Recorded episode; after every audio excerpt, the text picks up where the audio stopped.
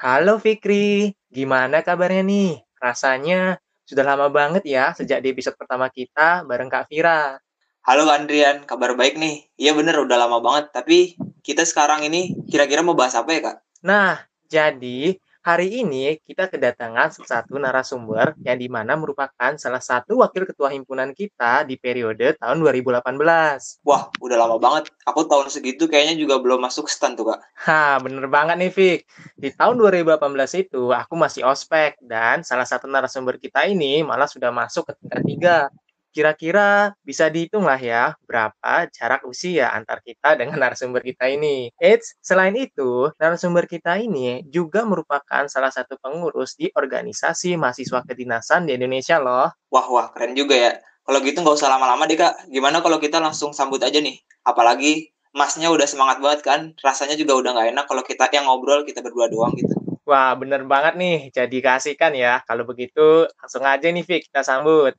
Halo Mas Rifki. Halo. Gimana nih Mas kabarnya Mas? Alhamdulillah sehat. Uh, Fikri sama Andian gimana kabarnya? Alhamdulillah Mas, kami berdua sehat dan kabar baik juga nih Mas. Alhamdulillah sehat-sehat ya di masa pandemi ini men kita harus menjaga kesehatan banget. Wah siap Mas siap. Uh -uh. Oh iya, oh iya Mas, boleh nih sekiranya hmm. Mas Rifki untuk memperkenalkan dirinya kita juga hmm. penasaran banget soalnya sama riwayat organisasi dan terutama kepanitiaan dari Mas Rifki sendiri. Oh iya, uh, ya kenalin para kita manggilnya apa? Para pendengar. Nah, para pendengar boleh sih Mas. Ya, Ya, perkenalkan diri para pendengar. Nama saya Rifki Hanif. Uh, saya alumni PKN STAN tahun 2019. Sekarang sudah bekerja di Direktorat Jenderal Pajak. Nah, untuk organisasinya dulu pas saya di kampus yang pas tingkat pertama itu saya ikut BEM sebagai staf di Kementerian Relasi Publik dan Politik. Nah, masuk ke tingkat dua itu saya istilahnya maju ya di istilahnya kalau dulu di Pemira ya kalau di kampus yeah. dulu ya Pemira mengajukan diri bersama Mas Wibi, eh, Mas Wibi sebagai ketua dan saya sebagai wakil ketua di keluarga mahasiswa pajak tahun 2018. Dan di tingkat tiganya saya ikut Stapala. Nah sampai sekarang keanggotaan Stapala masih ada. Nah untuk kepanitiaannya saya ikut di kepanitiaan dinamika tahun 2017 dan 2018 yang istilahnya ngospekin Andrian. ya kalau di tahun pertama 2017 itu saya jadi bidang acara, staff. Nah, tahun kedua saya pindah ke bidang penugasan dan penilaian. Kurang lebih seperti itu, Fikri dan Andrian. Oh alah, ternyata bener nih narasumber kita kali ini orang sibuk kampus tahun lalu. Terus yeah. mantan ketua juga lagi di tahun 2018. Nah, kamu sih nggak percaya, Fik. Nah, jadi Mas Rifki ini dulu dia tuh sempat ngospekin aku, tapi di bidang penugasan dan penilaian di tahun 2018. Nah, giliran aku nih Mas, aku mau nanya. Hmm. Jadi kira-kira nih, menurut Mas Rifki, hal apa sih yang membuat Mas Rifki itu tertarik di kepanitiaan ataupun organisasi itu sendiri, Mas? Karena hmm. kan tadi Mas Rifki udah nyampein banyak tuh, hmm. Mas udah nyalon jadi pemira, terus kemudian hmm. Mas di tingkat tiga pun ikut stapala nih mas. Iya, yeah. oke. Okay. Ini jujur aja sih kalau pas tingkat pertama itu kan saya masih polos ya, baru lulus SMA. Jujur di SMA tuh saya malah nggak cuma ikut osis. Istilahnya sebenarnya tuh saya bukan tipikal orang organisasional gitu dulu. Pas di SMA, istilahnya untuk ngomong sama orang aja tuh kayak kadang nyebelin gitu. Nah karena kurang istilahnya kurang puas di SMA, nah saya mencoba untuk bisa mengembangkan diri lagi di kampus. Nah satu yang membuat saya saya tertarik waktu tingkat pertama adalah BEM karena jujur aja sih pas itu ngelihat BEM tuh uh, waktu apa ya waktu kuliah di SMA tuh ngertinya organisasi ya BEM gitu kan. Nah pas ketemu di STAN ada BEM ya udah aku daftar BEM gitu. Jadi tertarik ke BEM setelah di BEM aku belajarin semua organisasi dan komunitas yang secara juga pas aku di BEM 2017 itu kementerianku ngurusin berbagai elemen kampus ya kan. Nah satu hal pas naik ke tingkat dua tuh aku mikir bahwa aku punya sesuatu yang ingin aku wujudin di jurusan pajak ya kan. Yang sebenarnya masalah di kampus itu banyak banget ya. Masalah di kampus itu banyak banget yang bisa kita pecahkan. Nah, saya memutuskan untuk memilih di tahun kedua untuk uh, mencoba memberikan solusi di jurusan pajak. Nah, cara saya untuk memberikan solusinya adalah dengan saya mengajukan ide dan saya bersama Mas Bibi yang waktu itu punya pemikiran yang sama tentang jurusan pajak kayak gimana, makanya saya maju. Nah, saya jadi wakil, saya kan di, di tiga penilai ya, karena saya mikir kalau ng ngajuin jadi ketua itu agak susah kalau dari istilahnya minoritas. Jadi saya harus uh, tahu diri. Nah, makanya saya ngajak Mas Wibi itu karena dia juga representasi dari mayoritas ya. Jadi beliau lebih pantas lah jadi ketua gitu. Nah, kami akhirnya maju gitu ya. Intinya selama tahun kedua itu alhamdulillah udah mulai banyak perubahan dan aku bangganya adalah ketika penerus kami ya, penerus Wibi dan saya itu jauh lebih bagus daripada organisasi yang saya jalankan gitu ya. Mas Anggit sama Hafiz gitu ya. Dan saya berharap di tahun-tahun berikutnya di tahun KMP yang sekarang bersama saya ini itu bisa jauh lebih baik lagi dan jauh lebih baik lagi gitu. Nah, untuk tahun ketiga saya pikir bahwa masa organisasi yang formal itu kayak udah cukup ya. Makanya sebenarnya agak telat sih masuk Stapala di tingkat tiga ya karena waktu angkatan saya itu yang dari 78 orang yang dilantik di tahun itu cuma dua orang yang dari tingkat tiga. Jadi istilahnya masuk udah udah terlanjur tua gitu ya belum sempat kontribusi ke Stapala udah terlanjur lulus nah gitu cuma alhamdulillah di Stapala itu saya kan awalnya tertarik tuh karena ngelihat pelatihannya yang keras dan akhirnya orang-orang dari Stapala itu juga otomatis jadi orang yang lebih jauh lebih baik daripada dia sebelumnya. Nah, di situlah saya tertarik dan alhamdulillah masuk Stapala dan keluar Stapala saya jadi orang yang lebih berbeda, lebih terbuka, lebih bisa kerjasama gitu. Fikri dan oh, Andrian. Oke, okay. oh, Mas Rifki. Oh iya, aku penasaran nih Mas. Kan sekarang Mas Rifki ini udah kerja ya Mas. Mm -hmm. Terus pernah nggak sih ada rasa gitu sesuatu yang ada benefitnya gitu di dari kepanitiaan sama organisasi yang Mas pernah jalanin mm -hmm. di dunia kerja? Ya, kalau seandainya aku nggak, misal aku memutuskan untuk nggak berorganisasi waktu itu, mungkin aku benar-benar sangat-sangat susah sih geraknya kalau di dunia kerja sekarang. Karena terlepas dari CV dan sertifikat-sertifikat yang dikeluarkan itu, uh, sebenarnya yang jauh lebih penting adalah bagaimana saya waktu itu menjalaninya. Kalau saya akui sih sebenarnya uh, banyak hal yang saya sesali sekarang, uang waktu itu mungkin karena waktu itu ya patah semangat wajar ya, kayak misal di tengah-tengah perjalanan organisasi kayak ya udah loyo gitu kan. Nah, itu tuh yang sekarang agak saya sesali itu itu. Jadi waktu kuliah itu nggak saya maksimalkan banget. Tapi sebenarnya tuh kalau misal nih dengar yang lagi organisasi atau yang mau masuk organisasi, loyo di tengah-tengah organisasi itu wajar karena kamu nggak tahu benefitnya apa di tempat kerja. Nah, saya kasih tahu sekarang bahwa di tempat kerja nanti kalau misal teman-teman udah terbiasa untuk bekerja sama sama orang lain, udah terbiasa untuk berkomunikasi dengan orang lain, udah terbiasa uh, mengerti hubungan antara atasan dan bawahan, ya kan? Udah mengerti gimana proses bisnis awal dari pengerjaan suatu program sampai akhirnya outputnya kayak gimana, outcome-nya atau dampaknya seperti apa, itu nanti sangat bermanfaat di dunia kerja. Karena pada dasarnya di dunia kerja adalah bentuk organisasi yang real, yang nyata banget. Jadi programnya tuh memang udah harus apa disusun dengan baik, ya kan? Outcome-nya juga harus benar-benar berdampak ke masyarakat gitu. Jadi nggak bisa main-main. Nah, di kampus itu kita bisa bereksperimen dengan kesempatan yang ada. Walaupun pas itu kalian mikir kalian capek begini, kalian apa namanya istilahnya punya kerjaan banyak sampai nurunin IP misalnya, itu kayak ngerasa kok nggak ada gunanya saya nggak digaji tapi kayak istilahnya saya ngurugin diri sendiri buat nguntungin orang lain. Enggak, itu sebenarnya keuntungannya ada di kalian karena di tempat kerja nanti kalau kalian menjalankan misal udah masuk organisasi dan menjalankannya dengan baik dan kalian ngerti banyak pengalamannya dari awal sampai akhir dari hal detail pun itu nanti pas di tempat kerja kalian ngerti bagaimana mana seharusnya kalian nanti misal dapat kerjaan ngerti kenapa harus ada kerjaan itu. Itu benar-benar yang membedakan antara manusia dengan robot. Jadi misal yang sederhananya kalau sekarang di tempat kerja tuh saya kan masuk seksi penyuluhan ya. Di seksi penyuluhan itu programnya salah satunya adalah ya penyuluhan itu sendiri ya. Saya atau kami di kantor dituntut untuk bisa menyusun dan mengkoordinasikan penyuluhan yang ada di dua provinsi. Nah kalau misal orang yang nggak pernah organisasi itu pasti bingung. Dan istilahnya dia rely on sangat-sangat menggantungkan diri dari atasan. Jadi atasan nyuruh apa dia lakukan, atasan nyuruh apa dia lakukan gitu. Tapi dia nggak ngerti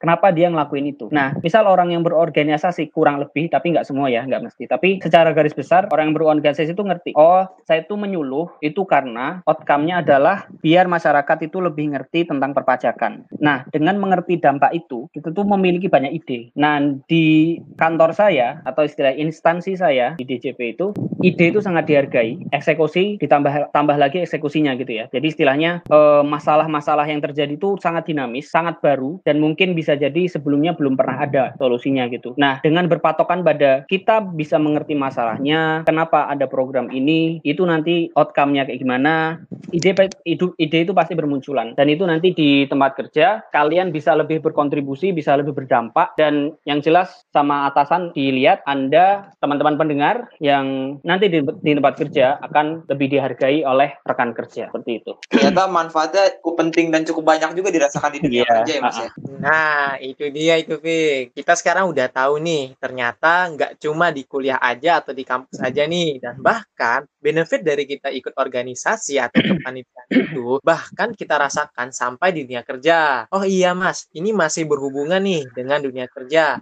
sekiranya Mas Rifki boleh nggak sini cerita tentang sedikit permasalahan yang pernah Mas Rifki alami di kantor itu dan hmm. bagaimana sih solusi dari Mas Rifki itu sebagai representasi dari benefit yang udah Mas dapat selama hmm. kepanitiaan dan organisasi Mas. Iya, yeah. oke. Okay. Sebenarnya cara pengalaman saya baru beberapa bulan ya di kantor saya ya. Jadi masalah yang saya lihat selama beberapa bulan ini adalah pas saya nyampe itu di kantor Januari kemarin itu dua bulan sebelum pandemi COVID itu meledak di Indonesia ya Maret. Ya dan saya masuk seksi penyuluhan itu Februari. Saya baru istilahnya membaca medan meng melihat gimana cara kerjanya.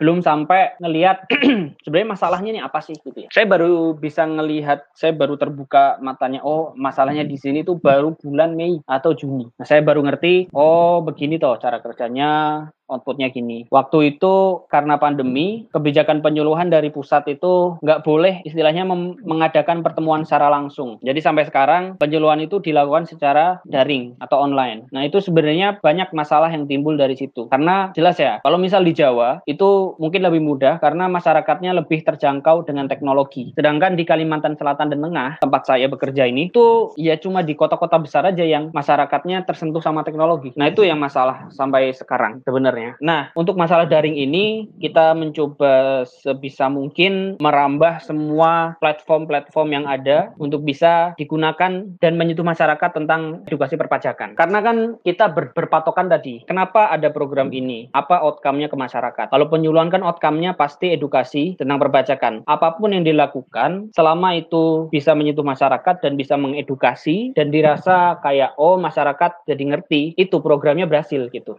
jadi banyak banyak yang kita lakukan kurang lebih kayak Zoom meeting bersama wajib pajak ya. Terus kita ngadain live Instagram melalui akun kantor. Bahkan kami bikin podcast juga nih kayak gini nih. Yang bikin podcast kebetulan saya gitu ya. Jadi kurang lebih saya ngerti cara bikin podcast gimana. Nah, pada intinya semua hal itu mengarah ke edukasi perpajakan tentang bagaimana eh, daftar NPWP, tentang bagaimana cara isi SPT dan sebagainya dan sebagainya. Nah, saya tuh belajar di situ juga dari organisasi. Karena misal waktu di KMP itu kan ya ngalamin hal misal kekurangan dana umum banget ya. Kekurangan dana itu kan sebenarnya bisa dipandang sebuah masalah bisa jadi kita terlalu memperbesar masalah gitu ya. Bisa jadi eh, kekurangan dana bisa disebabkan adalah belanja yang terlalu banyak atau memang dananya kurang gitu ya. Nah kan istilahnya kalau kita ketemu masalah terus kita dipaksa untuk memecahkannya akhirnya kita punya pengalaman di situ. Kita belajar di situ gitu nanti di tempat kerja permasalahan-permasalahan pasti baru dan nggak bisa kita stagnan di satu SOP jalanin ini jalanin ini. Kita tetap butuh ide-ide yang pengalamannya berada di organisasi itu. Jadi kayak misal tadi yang permasalahan COVID itu kan sangat-sangat menghambat sekali dalam edukasi perpajakan ya gitu. Jadi nanti kita nggak tahu permasalahannya kayak apa. Jadi tapi selama teman-teman udah ngerti titik kesimpulannya ketika teman-teman udah bisa apa berpengalaman di organisasi bagaimana cara memecahkan masalah masalah, urutannya seperti apa, dari mana, gimana caranya ngerumusin masalah itu sampai solusi. Nah, insya Allah itu lebih mudah nanti di tempat kerja. Gitu ya. Oke, terima kasih nih Mas. Ternyata di dunia kerja tantangannya lebih berat juga ya. Dan bahkan walaupun Mas Rifki masih dibilang baru, tapi Mas Rifki sudah siap untuk masalah-masalah baru yang seperti ini. Apalagi menurut Mas Rifki sendiri, masalah itu tentu harus kita hadapi dan merupakan insight baru kita alias pengalaman untuk sesuatu hal yang lebih berat ke depannya. Hmm. Dan apalagi kita sudah dapat ilmu yang baru nih, rasanya pasti bisa atau lebih siap lagi nih. Wah, bener banget nih. Oh iya mas, mas kan pasti udah tahu lah ya tentang penempatan lulusan tahun ini dan yang akan datang hmm. 4 tahun akan datang rencana. Kira-kira ada nggak sih Mas saran atau sepatah dua kata buat adik-adik Mas ini yang masih yang mungkin berharapnya berbeda hmm. gitu Mas dan kasih kasih yeah. semangat gitu Mas. Ya, yeah. pada dasarnya mungkin uh, ekspektasi ketika tidak bertemu dengan realita akan mengecewakan. Itu kan rumus rumus kekecewaan di situ ya. Dan ekspektasi teman-teman dan ya kalau misal aku jadi lulusan tahun ini pasti kecewa juga sih. Ya kalau diperjelas ya bahwa penempatan lulusan tahun ini kan ke di luar Kementerian Keuangan ya. Mungkin secara pride atau secara organisasional ini ini fakta sih bahwa organisasi Kementerian Keuangan bisa dibilang lebih rapi dan birokrasinya walaupun kalau dilihat dari orang awam tuh ribet, cuma itu lebih lebih rapi daripada kementerian-kementerian yang lain sekarang ya.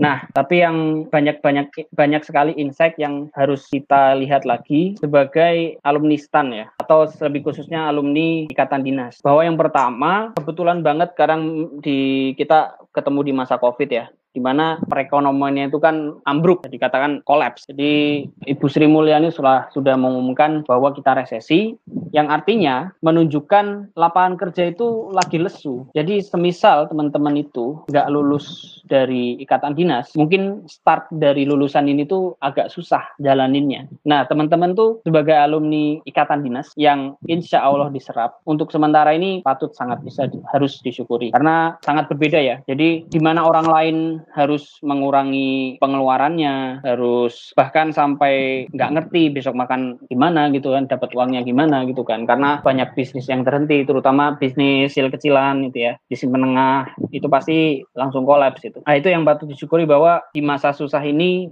teman-teman masih diserap gitu di dunia kerja. Nah yang kedua bahwa ketika kalau udah menerima kita sudah melihat oh kementerian lain gitu udah di depan mata, ya kita patut istilahnya melihat itu sebuah tantangan. Di mana di mana pun kita kerja kalau kalau kita pada dasarnya orangnya udah bagus kita bakal memberikan dampak itu ke dunia kerja kita ke tempat kerja kita. Misal kalau memang pada dasarnya para pendengar nih berkualitas ya mau di mana pun teman-teman pasti berkualitas gitu.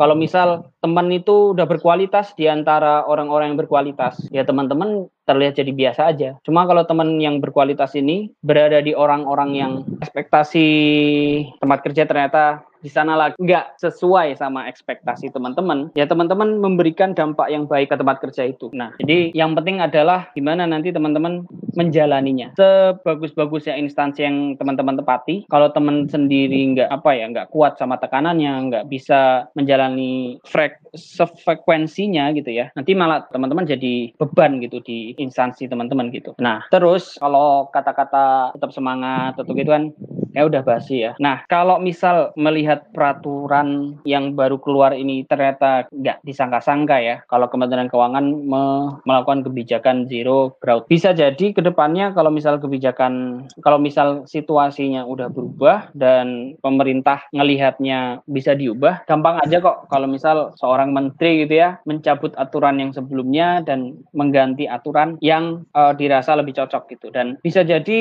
pemberhentian penerimaan ini bisa lebih pendek gitu. Ya tapi ya berdoa yang terbaik aja gitu kan. Bahwa ini udah takdir gitu ya. Terus ketika kita kerjaannya hanya mengeluh kita bakal ketinggalan sama yang udah ngelihat ini sebagai sebuah tantangan dan dia jalan terus dan dia menjalaninya dan pasti rezeki itu akan mengikutinya selama orang itu berusaha. Kurang lebih itu. Oke terima kasih banyak mas. Jadi kita ini para pendengar yang terutama untuk lulusan tahun depan dan tahun ini yang udah dapat isu-isu tentang zero growth itu seharusnya di tengah kondisi seperti ini kita harus melihat sesuatu yang positif. Walaupun rasanya kata-kata semangat itu udah kayak bebal banget buat kita semua ya ini ya. Tetap aja di antara ketidakpastian itu pasti ada sesuatu yang membuat kita pasti di ikatan dinas ini. Dan ngomong-ngomong gak terasa juga nih ya Fik obrolan kita bareng Mas Rifki udah lama banget nih di episode hari ini udah panjang juga ternyata udah mau 30 menit. Mungkin dari Mas Rifki, apakah ada pertanyaan atau mungkin saran dan tambahan nggak nih buat adik-adik Mas Rifki sekarang, buat kita, buat Kak Andrian mungkin Mas? Hmm,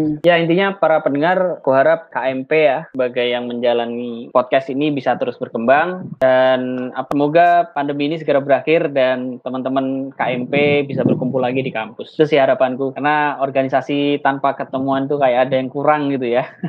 Kira itu aja sih uh, yang ingin aku sampaikan. Ya. Oke oke, terima kasih Mas. Akhirnya sampai juga nih di ujung episode kali ini. Semangat terus buat Mas Rifki kerjanya ya. dan kehidupan ke depannya. Dan terima kasih banyak nih buat Mas Rifki udah bersedia meluangkan waktunya yang cukup banyak hari Minggu libur ini untuk ikut serta dalam podcast Alhamdulillah. Dan aku juga istilahnya merasa merasa dihargai lah sebagai alumni. Teman-teman masih istilahnya masih ingat saya gitu, masih uh, sebagai senior adik gitu. Ya, saya mau ngucapin terima kasih juga buat Andrian dan Fikri terutama KMP 2020. Oke, Mas. Iya nih, Mas Rifki di minggu-minggu ini udah mau diganggu sama kita dan kesibukan kita juga nih. Nah, kalau begitu Mas, kita akhiri aja ya Fik ya. Okay. Sampai Sampai jumpa nih Mas Rifki dan teman-teman yes, atau pendengar semua. Kita bertemu kembali di podcast episode berikutnya. Ya, terima kasih Mas. Terima kasih juga. Sampai jumpa. Sampai jumpa.